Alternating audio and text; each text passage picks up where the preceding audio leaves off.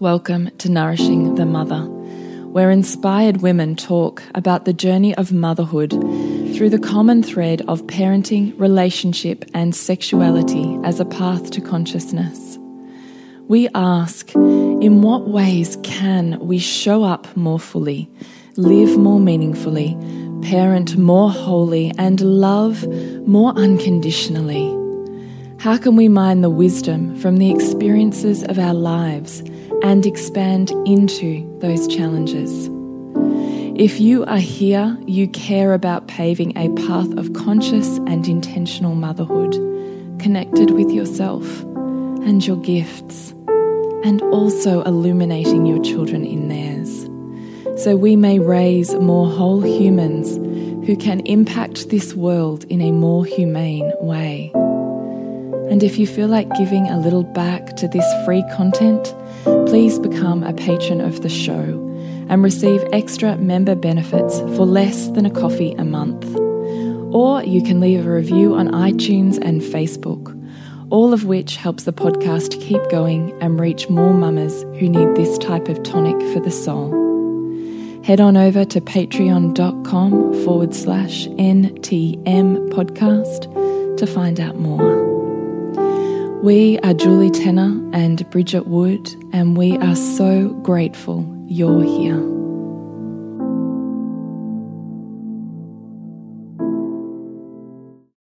Hello, and welcome to Nourishing the Mother. I'm Bridget Wood. And I'm Julie Tenner, and today's podcast is Ah, Sweet, Devilish Toddlerhood. Before we jump into that conversation, and we hope it's one that you feel listened to, heard, seen, felt, and hopefully a little inspired by, mm. I'd love to remind you to jump onto nourishingthemother.com.au, scroll on down to the red banner, drop in your email, and be part of our Nourishing the Mother tribe where mm. once every so often we send you out an email and you don't miss anything that's happening in the world that might be an opportunity for you to nourish your inner mother.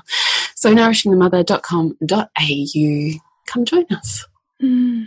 So this podcast came about because Julie and I were talking about toddlerhood, and I was laughing because I recalled probably must be I don't know eighteen months ago we recorded a podcast on toddlers and toddlerhood when you were like in the depths of, of frustration with Gwen at that age, and I was like, really. Oh, I love toddlerhood. Like, I think it's so such so fun and such a great age. And like now, I was I was saying to Julie, oh, I remember now. his Pearl's 15 months and it's just that I mean it's beautiful and I love it but also far out like you know those days where they just make noise at you and you can't meet the need because they don't know what even their needs are like it's just those days when you're trying to get all of the other things done and then you have a toddler Yeah, and I think it's the constancy.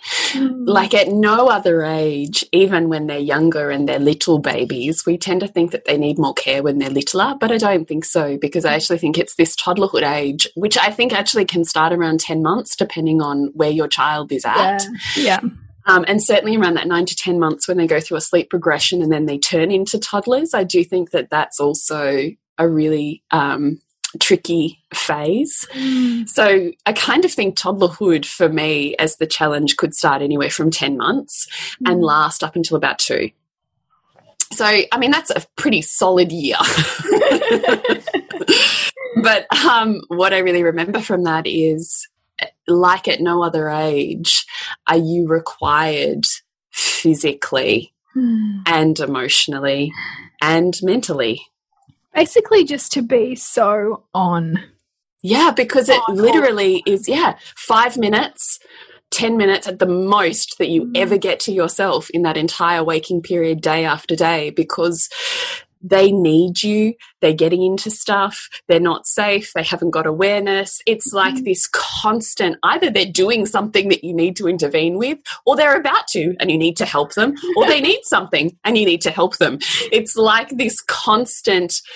I remember trying to work during that phase with, um, I suppose most particularly with Gwen, but we had started nourishing. No, it wasn't probably a big thing when I had Lola but definitely with Gwen and thinking, this is brutal. I cannot work out how to work and do motherhood. It just, I see all these mums that are like, well, you just like, set up an activity and they just independent play and you just like get to do your thing and i'm like what the actual fuck is going on here because i'm getting 10 minutes and that's it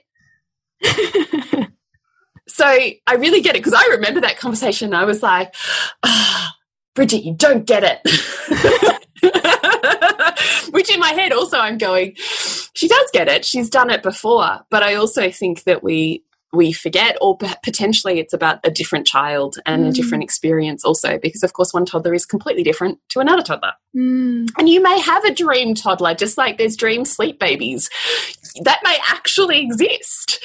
I don't, I don't deny it, but um, my experience of toddlerhood has always been one that that I've um, really had to navigate with increasing awareness of the challenge that I find um, in never having more than five or 10 minutes without really needing to be on, mm. which I think doesn't exist in, in any other part of parenthood, you know, newborn and infancy included. Well, I think, you know, before they're crawling, if you've set a baby up to really, um, feel good in independent play, like, you know, being on the mat or just being able to be in their own space and mind, then you can have those little longer stretches because you know that they're in one place. But once they're crawling and they're into things, that, that you you know I kind of have these heart attacks when I'm like, where's Pearl? Who's seen Pearl?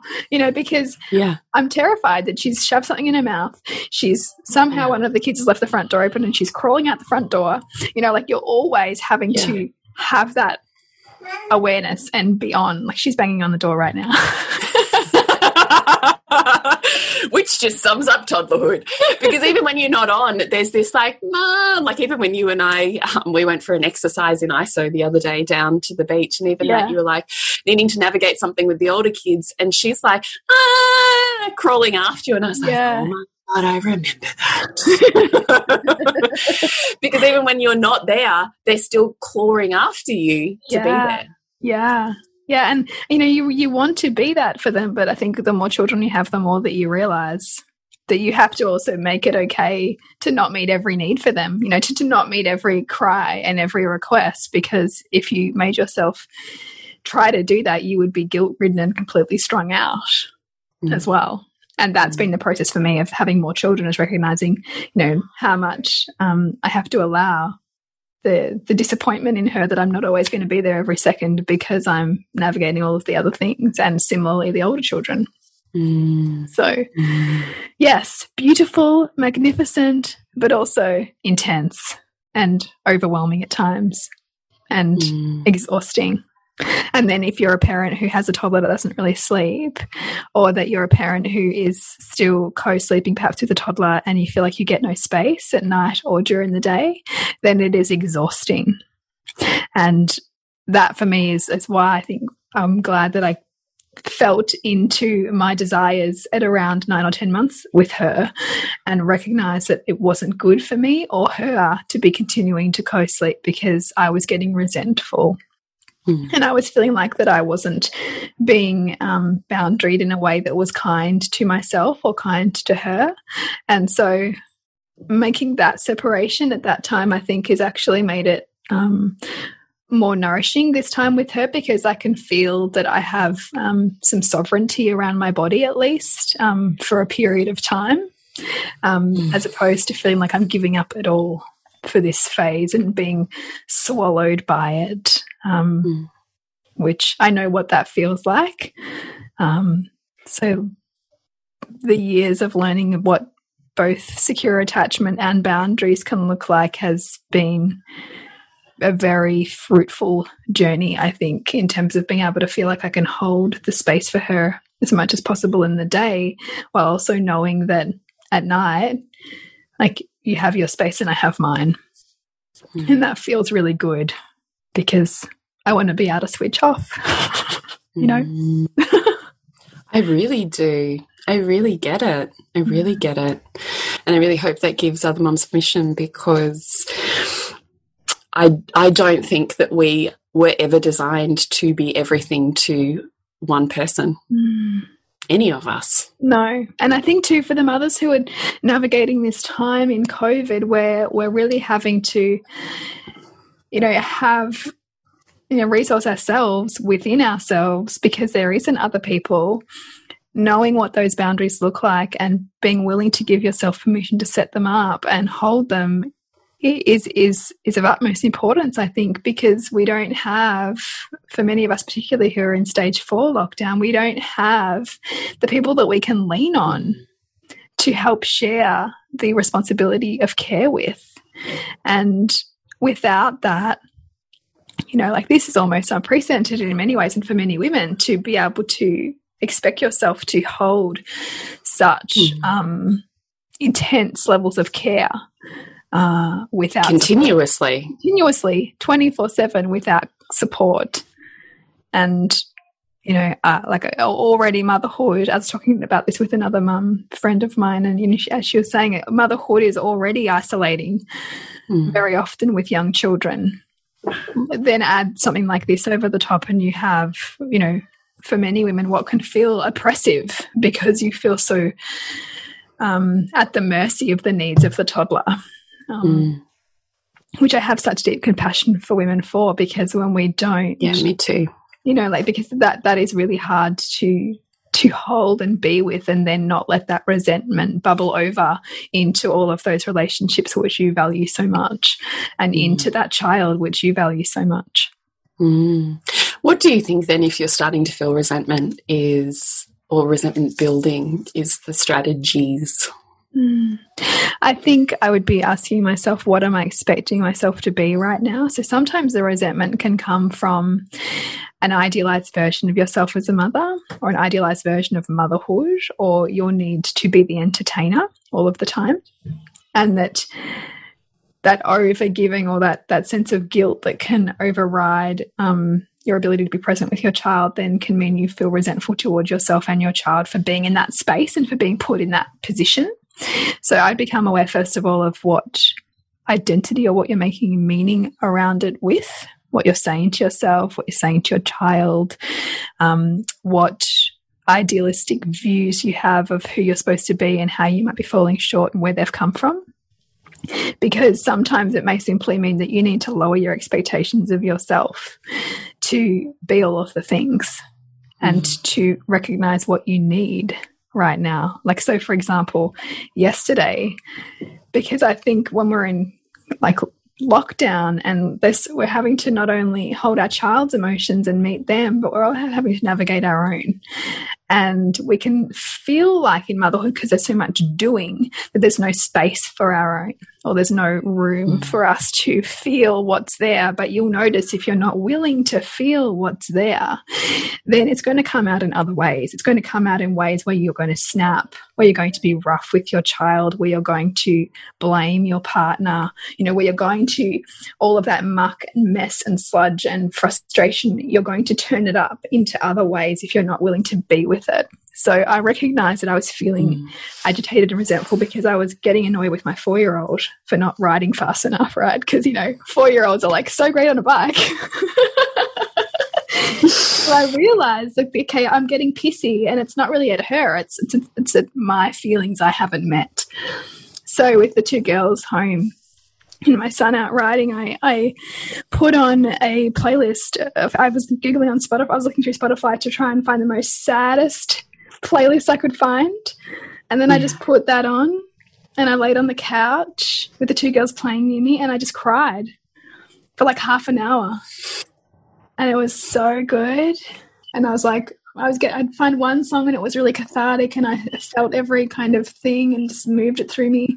And then another song would come on and it wasn't quite it, so I'm flicking through to find the next song. And what that did, I just thought, gosh, this is such a gift, not only for me to move these feelings, but also for my girls to see how healthful it is to, for me to carve out that space to be with myself and to be with what needs to move through me and to take ownership. You know, and in the process, I was saying to my four year old, look, I'm sorry, I got really angry when you were riding your bike. That wasn't fair you know, how did that feel when I got angry with you? And she said, Oh, it felt like you were being mean. And I'm like, Oh, sorry.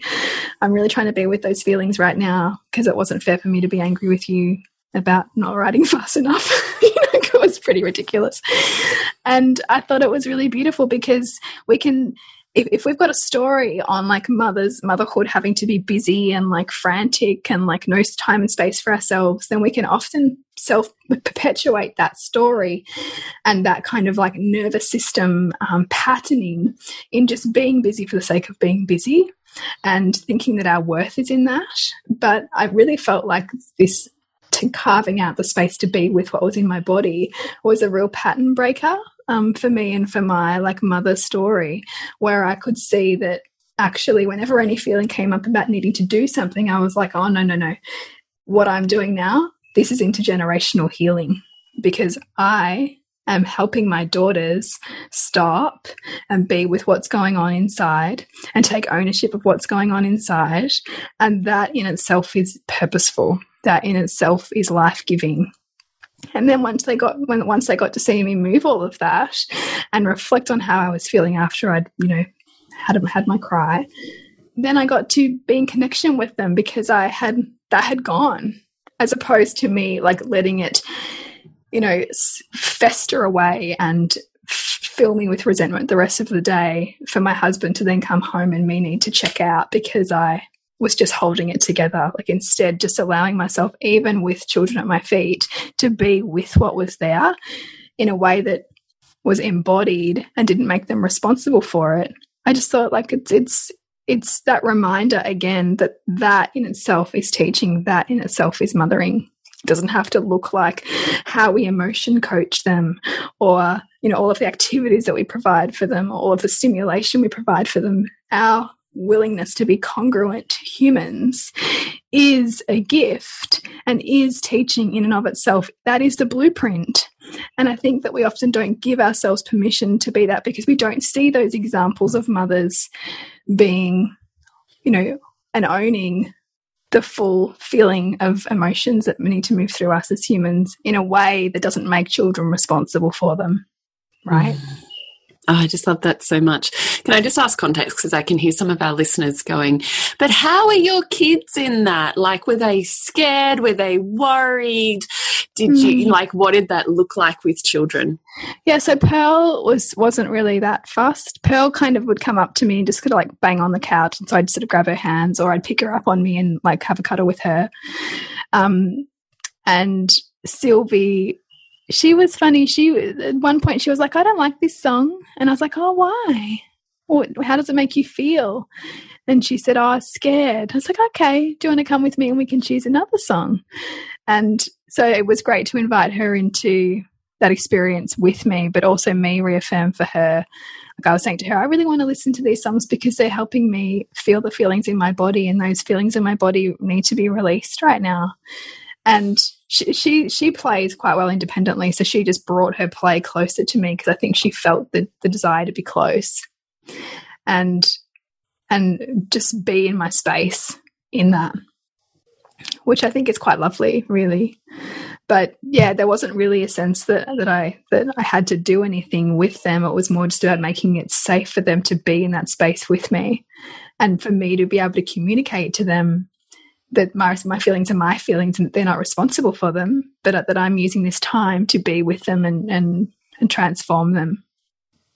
And so when you said uh, after it, when you, um, I can't remember the words you used, but reviewed or reflected or whatever it was with them, what did that look like?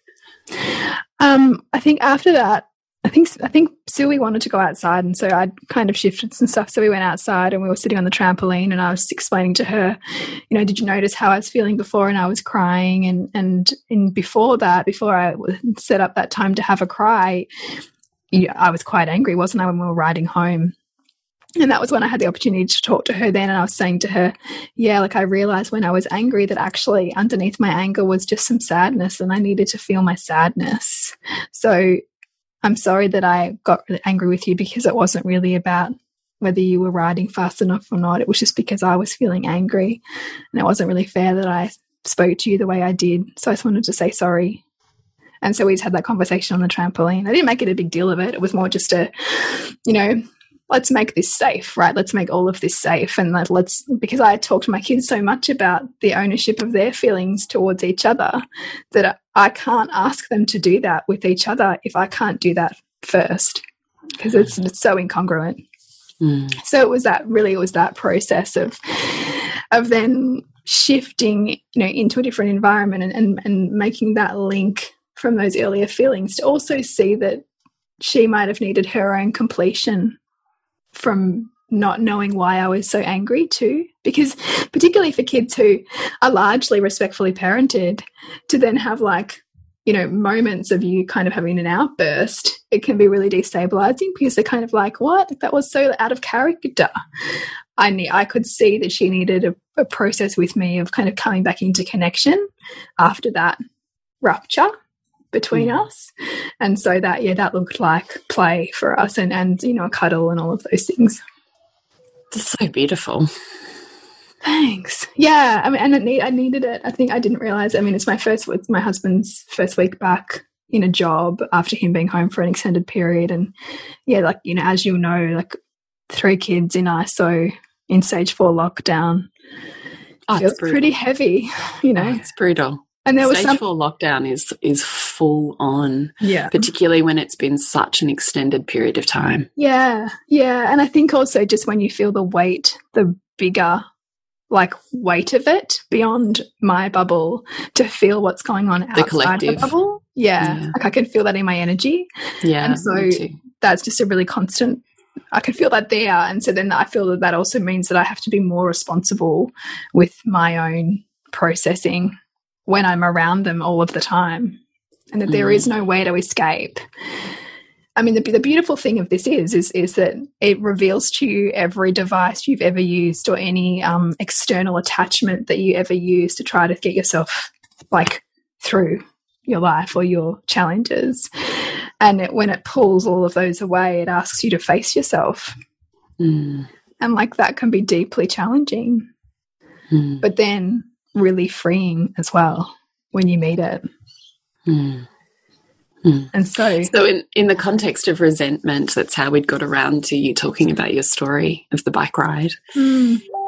Can you just tie that up for me in a nice little bow and let me know how that feeds into feeling resentful towards our toddlers? Mm. So I'm trying to think about, back about that original question because I got so far off that question. Um, we can feel the feeling resentful towards our toddlers is really i think feeling resentful towards the time that they take up for from from us right? And that i think also comes from our lack of value on our parenting of them or our lack of value on the investment of time that it takes to guide a toddler because it can be also so all, consuming we don't recognize the beauty of that investment in time and what we get back from that because I can see that when actually I'm intentional with her and that I carve out space to take myself slowly through her caregiving and that I, rather than feel like I have to rush her through things or, you know, feel the external pressures and instead be with them, it is actually really life giving. But it's that, but when I hit those edges of resentment where it feels like all everybody wants something of me all at once that's that reminder again of what am i expecting of myself what am i expecting of my child? Like is it reasonable or not?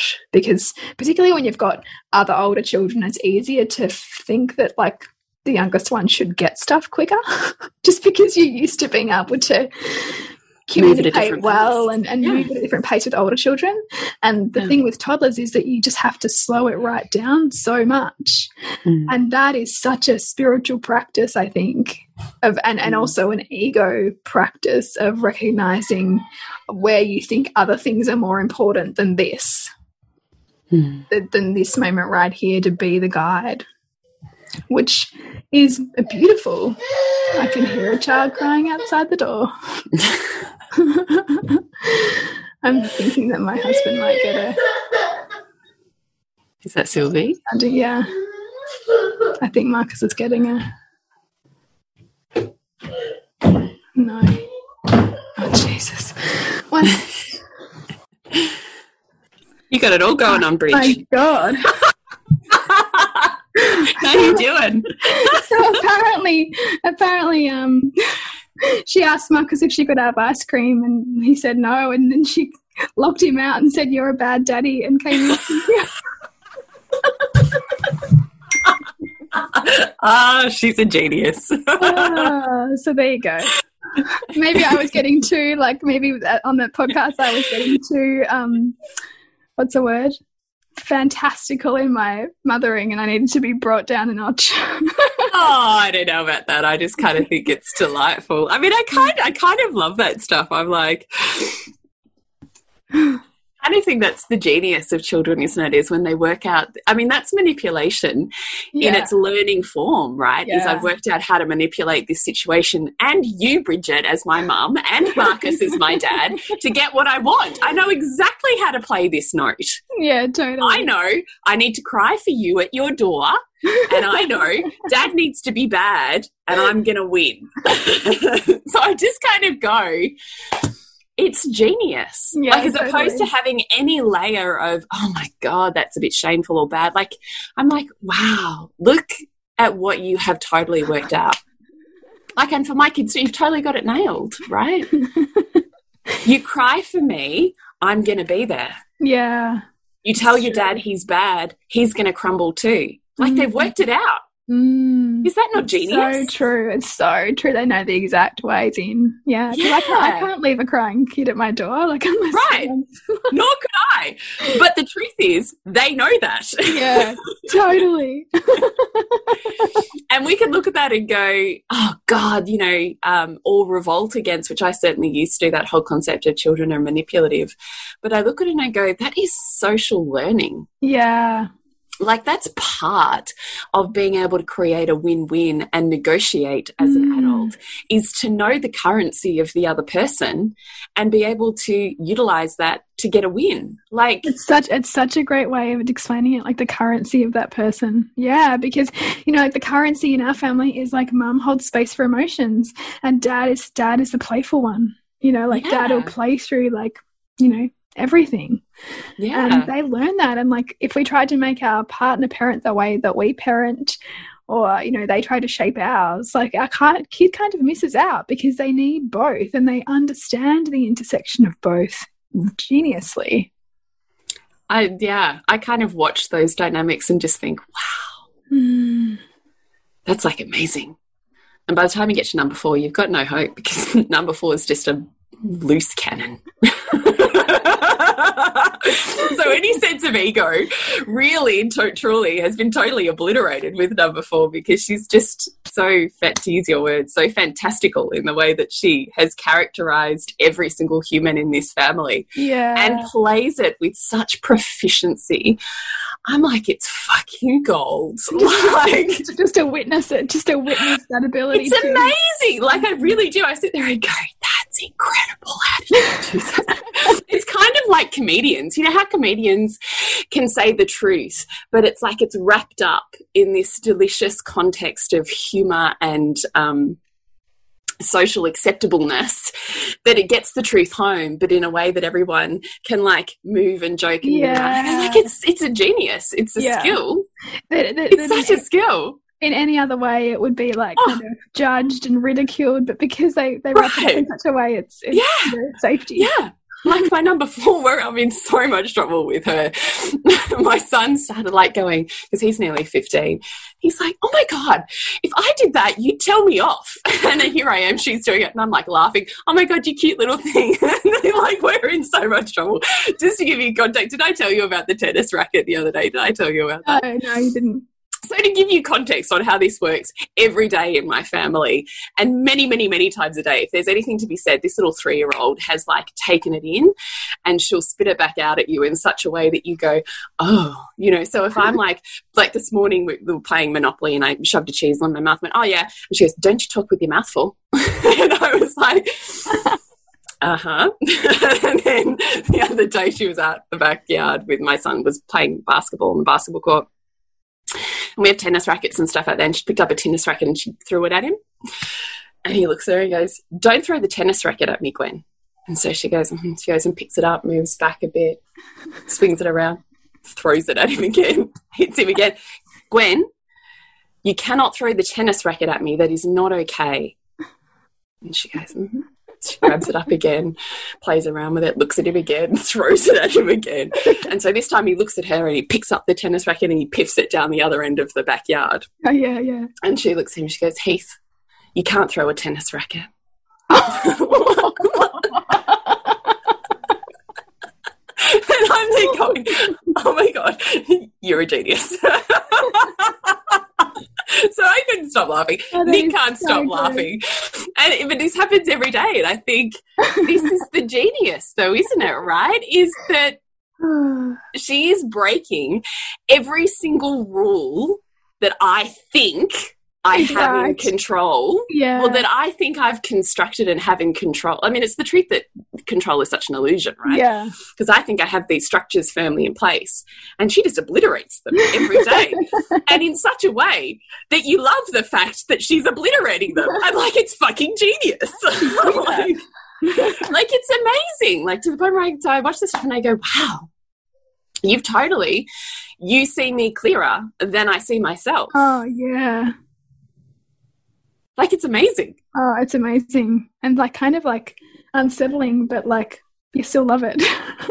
yeah yeah and i think toddlers are that right like i mean my toddler's just turned three so she's just moved from that toddlerhood to that preschooler and i Mm. do think that that's a you know that's a really big it's a really big leap but they've already learnt you in toddlerhood Yeah. like in toddlerhood they're absorbing it all it just so happens that in preschool years they can verbalize Well, it that's to you. it because they're already feeling they're already like I even look at how much Pearl understands now. So Yeah. Yes so much so much. just because they don't have words for it doesn't mean that they're not the smartest person in the room right now. I've we've already taught her how to how to open and close the back door. yeah, It's amazing. and like I th and often whenever they whenever they're at this age and they start to grasp stuff like that, I'm like, oh god, like what else could I be teaching that she'd actually be really capable of understanding that would that but that we don't realize as well. Yeah. Oh, 100%. Hmm. 100%. But it's also that thirst for information that I think makes them particularly challenging because Yeah. their their entire world is like they're like feed me, feed me. I need to, you know, like take it in and learn and do all Yeah. of the dangerous stuff that I don't know is dangerous yet. And I think that's part of what makes it so intense. And also, I think too, because they're growing so quickly and they're opening up to the world so quickly that they're like, you, you might think that you have like a routine or a rhythm, but they are just changing that up. Every time that you think that you might have it nailed, you know, they're at this next stage where they want to go outside first thing in the morning. So you've got to go and clean up the dog poo, or they want to go do this. And so you're kind of having to morph the needs constantly to, to fit Mm. both the toddler, yourself, and the older children and the family because of the speed at which they're developing. Like it's all 100%. coming to coming to together at such a frantic rate. I think sometimes. Yeah, I totally agree with that. Yeah. So if you are in toddlerhood, we want you to know we feel you. Yeah. We've been there. I've been there four times. Bridget's been there three times. Yeah. And he's there now. Yeah, I, think I think the biggest reminder too with toddlerhood as well is you don't need to fix the feelings. Like the feelings are okay. I think it becomes Mm. stressful for mothers when when they either consciously or unconsciously are trying to avoid the big feelings in a toddler, or are trying to avoid their toddler's um, resistance to things, or um, just their big feelings, right? And so you kind of like morph and change to meet the toddler's needs. And then all of a sudden you're realizing that you're actually contorting yourself or minimizing yourself in order to keep the toddler happy, which is actually really an unsafe place for the toddler because they don't Mm. want nor need that kind of power. The power lies with you in the structure that you hold. Mm. But you've got to be willing to feel the feelings that come up for you and witnessing the feelings in them. Mm. And that is where you find your capacity, actually, I think, is your willingness to breathe into that and allow their movement of feeling and expression. And knowing that the more that you do that, the more they're actually coming back into their own center and actually more freedom too, because they're not holding it all in their little bodies. They know that with you they can feel it. So that that that and that's that that's a literacy that you and I have built over years, right? But that I think is worth saying again for perhaps the mother who's not um, as practiced in that.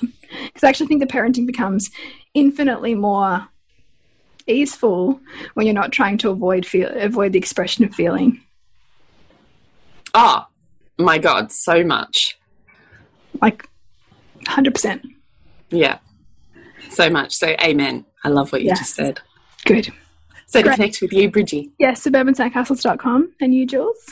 Thepleasurenutritionist.com. And us is nourishingthemother.com.au, Nourishing the Mother on Facebook, Instagram, and Pinterest, as well as obviously our podcast on the Wellness Couch. Yeah. So, So remember to nourish the woman to rock the family.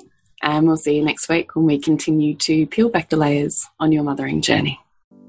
And if you want to support Nourishing the Mother and all the late nights, the early mornings, the blood, sweat, and tears we pour into our art, then please go to patreon.com forward slash NTM podcast and become our patron. As a patron, you're helping all of the cost of operating this podcast, the hosting, the editing, the transcription, helping all of that be completely covered, and joining a community who are all about honouring our journeys and continuing to open.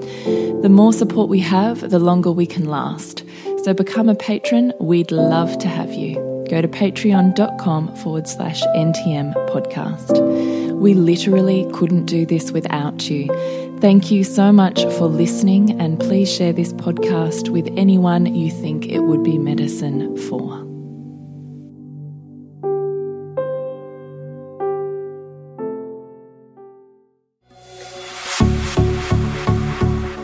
This has been a production of TheWellnessCouch.com. Check us out on Facebook and join in the conversation on Facebook.com forward slash The Wellness Couch. Subscribe to each show on iTunes and check us out on Twitter. The Wellness Couch, streaming wellness into your lives.